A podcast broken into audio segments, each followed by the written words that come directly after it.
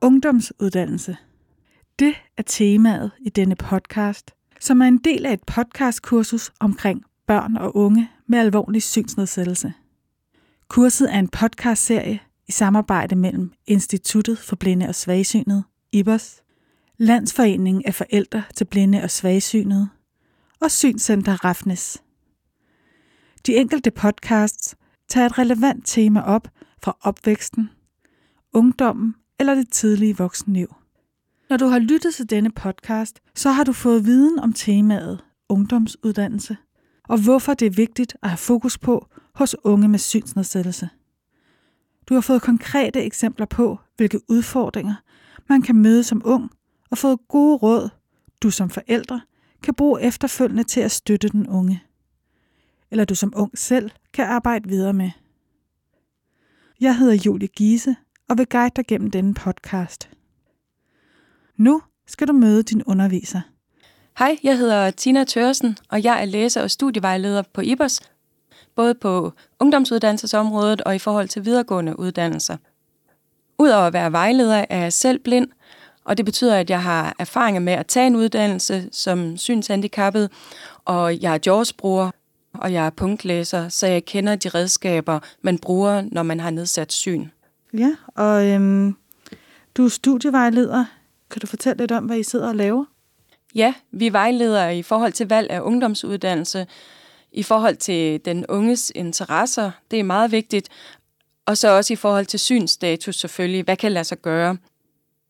Så vejleder vi om støttemuligheder på uddannelsen, og vi arbejder sammen med synskonsulenterne ude i landet om at sørge for, at de unge de får en god start på ungdomsuddannelsen, og det er, det er vigtigt, at de unge får deres hjælpemidler, inden de går i gang med uddannelsen, og at de måske har været ude på gymnasierne og erhvervsuddannelserne og tale med uddannelserne, inden de starter. Og det øh, samarbejder vi med synskonsulenterne om. Kan du sige noget om, hvilke typer af uddannelser er det, de unge kan få vejledning til? Man kan få vejledning i forhold til alle typer ungdomsuddannelser. For at nævne nogle eksempler, så er det selvfølgelig de gymnasiale uddannelser, STX og DHF, øh, og det er også erhvervsuddannelser, både handelsuddannelser og håndværkeruddannelser. Men hvis man er på en ungdomsuddannelse, så skal man bare henvende sig og få vejledning. Så temaet det er altså ungdomsuddannelser. Hvad skal vi høre om i denne podcast? Jeg vil fortælle om de krav og udfordringer, som den unge kan møde på en ungdomsuddannelse, både fagligt og socialt. Og så vil jeg komme ind på nogle støttemuligheder, og til sidst er der et par øvelser om læsning, blandt andet læsehastighed og noget med notatskrivning. Spændende. Og hvorfor er det, det her er et vigtigt tema? Hvad er formålet med, med podcasten? Formålet med podcasten her er at vise, at der er mange støttemuligheder, og der er mange ting, familien og den unge selv kan gøre for at få en god uddannelse, både fagligt og socialt. Kan du fortælle noget om, om der er noget, man skal være særligt opmærksom på i forhold til en ungdomsuddannelse, i forhold til, hvad man har været vant til tidligere? Generelt gælder det, at på en ungdomsuddannelse kommer den unge til at tage mere ansvar, både fagligt og socialt. Så skolen skal selvfølgelig sørge for, at der er de rette forhold for, at den unge kan følge med, men den unge skal også selv gøre opmærksom på, hvis der er nogle problemer. Fordi det er vigtigt at huske på, at lærerne jo oftest har de bedste intentioner, men at de let kan glemme at være opmærksomme på den unge. Og så er det ekstra vigtigt, at den unge selv kan gøre opmærksom på sine behov. Generelt er det en fordel, hvis der er en god kontakt mellem den unge og lærerne. Jeg anbefaler, at I indleder samarbejdet med skolen ved at besøge skolen, eventuelt i samarbejde med en synskonsulent, inden den unge starter på uddannelsen. De faglige krav vil også være højere på en ungdomsuddannelse. Der vil blandt andet være mere at læse, og der vil være flere opgaver, og der vil være meget mere selvstændigt arbejde. For eksempel med at søge informationer og bruge informationerne i opgaverne. Kan du sige lidt om, hvordan man kan forberede sig til at starte på en ungdomsuddannelse? Den unge kan forberede sig ved at tænke igennem, hvad er jeg god til, hvad er mine styrker. Øhm, for når man kender sine styrker, kan man bedre sætte ord på, hvad der er svært i skolen, både fagligt og det, der er relateret til nedsat syn eller blindhed. Man kan sige, at jo mere bevidst den unge er om, hvad han eller hun selv kan, jo lettere er det for den unge at bede om hjælp fra sekretærer, kammerater eller fra lærerne.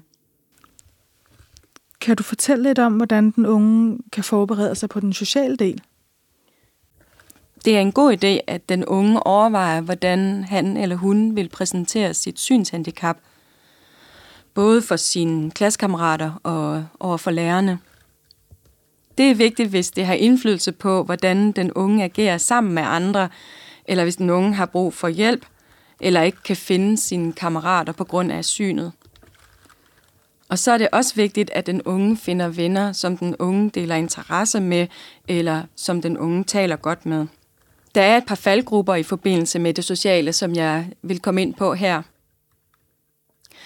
Hvis det er svært at knytte venskab, kan det være fristende at fokusere meget på det faglige.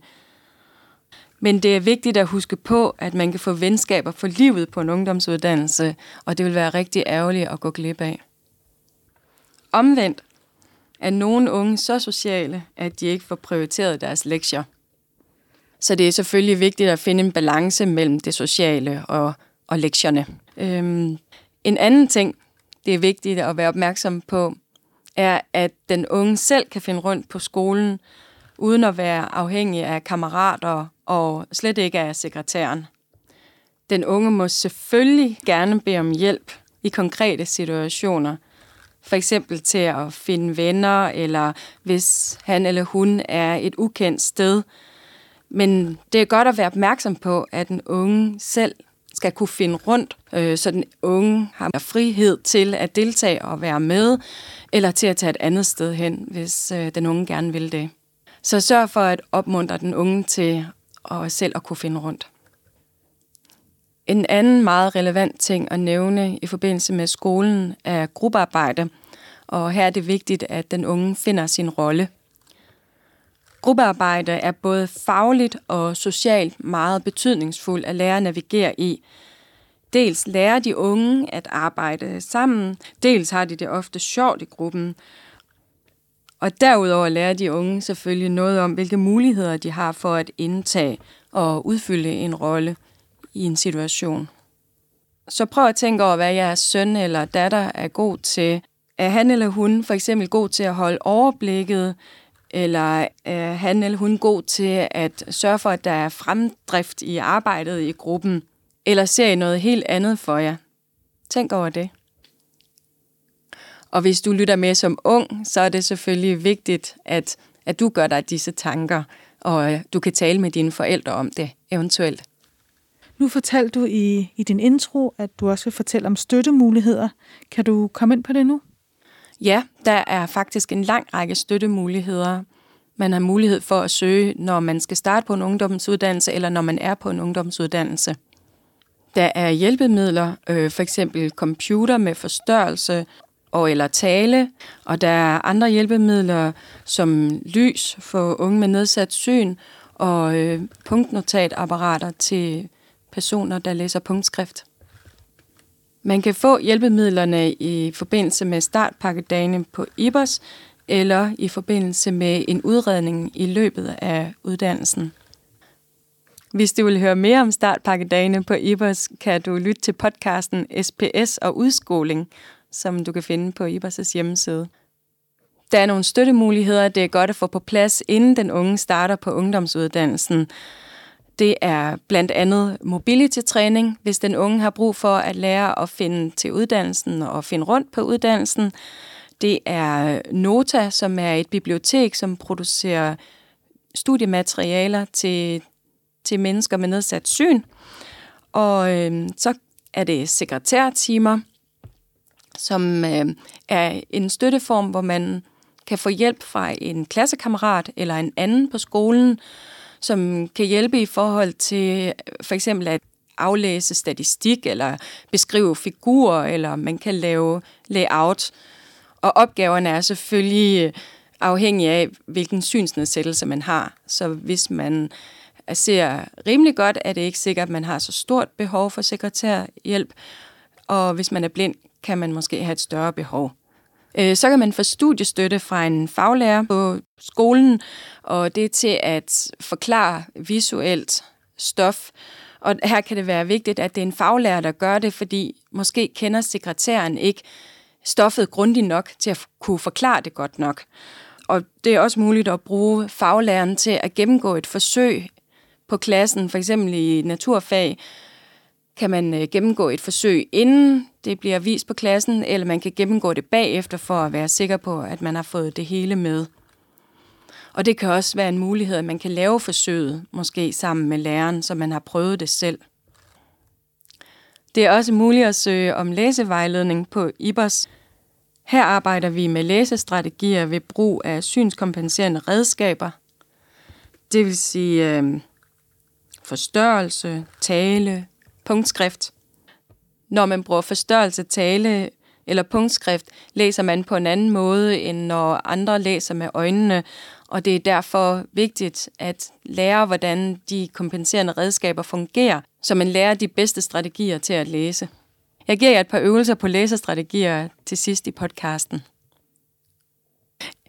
En anden meget vigtig støttemulighed er eksamensdispensationer. Det er muligt at søge dispensationer til eksamen. For eksempel kan man få forlænget tid, og man kan få en bisider med til eksamen, som kan hjælpe med at læse eksamensmaterialet op, hvis der er noget, den unge er i tvivl om.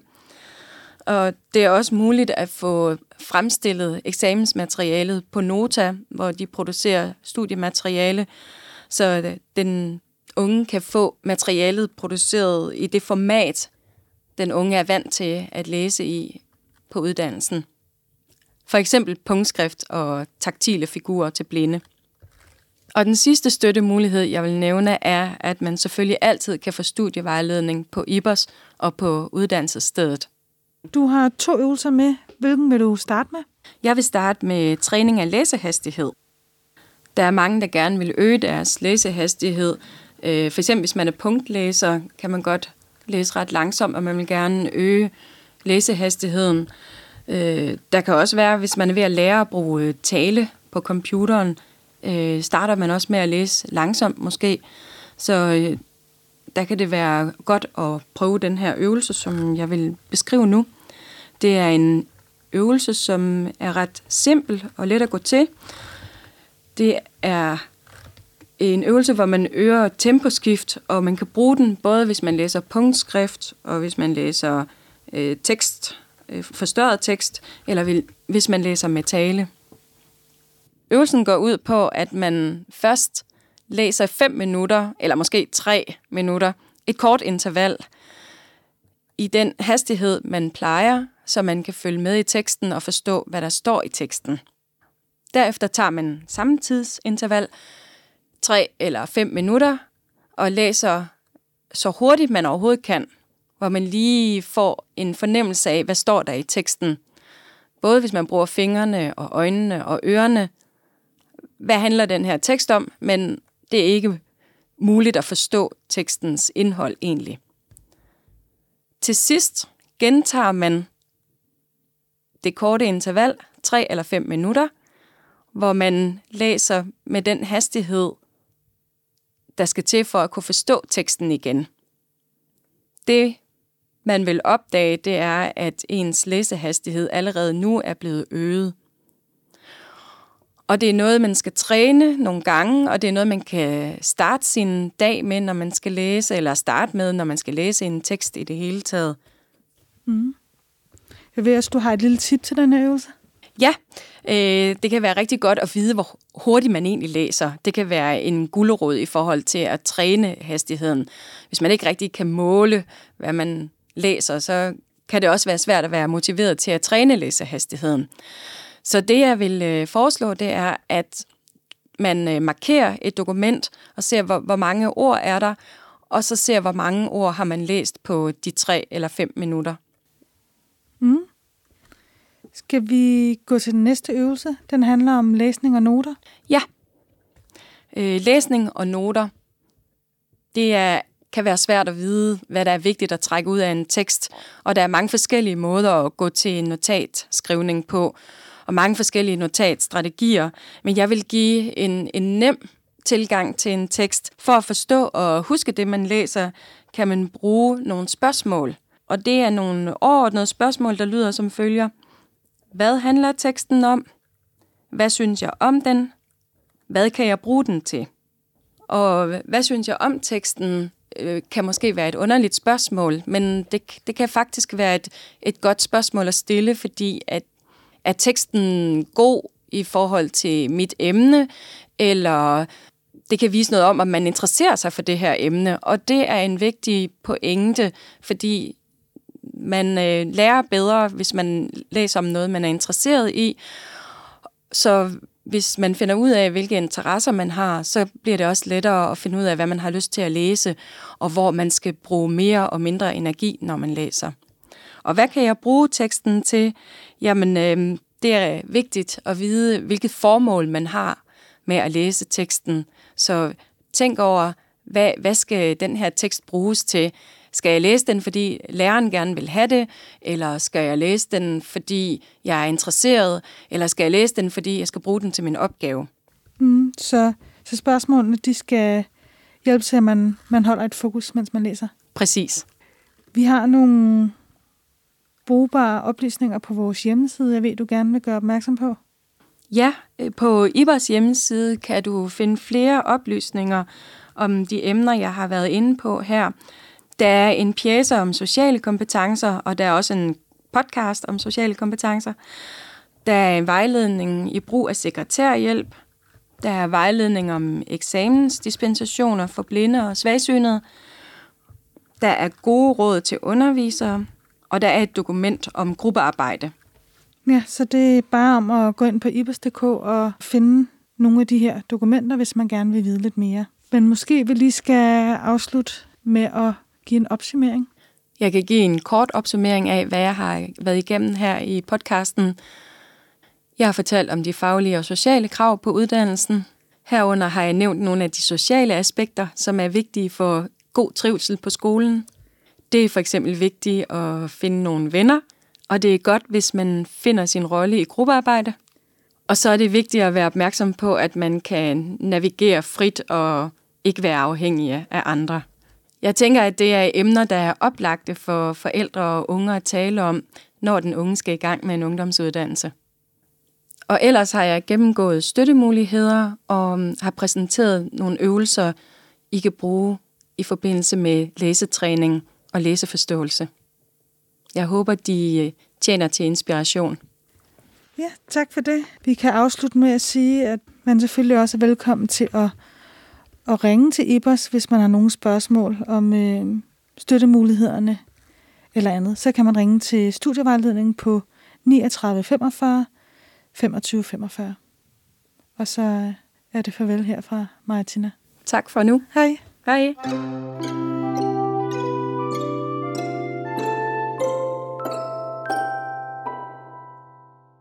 Du har lyttet til en podcast, produceret af Instituttet for Blinde og Svagsynede. Hvis du godt kunne lide podcasten, så husk at dele den med andre, der også kunne få glæde af den. Hvis du vil i kontakt med Ibers, kan du ringe på 39 45 25 45 eller skrive til ibers sof.kk.dk. Tak fordi du lyttede med.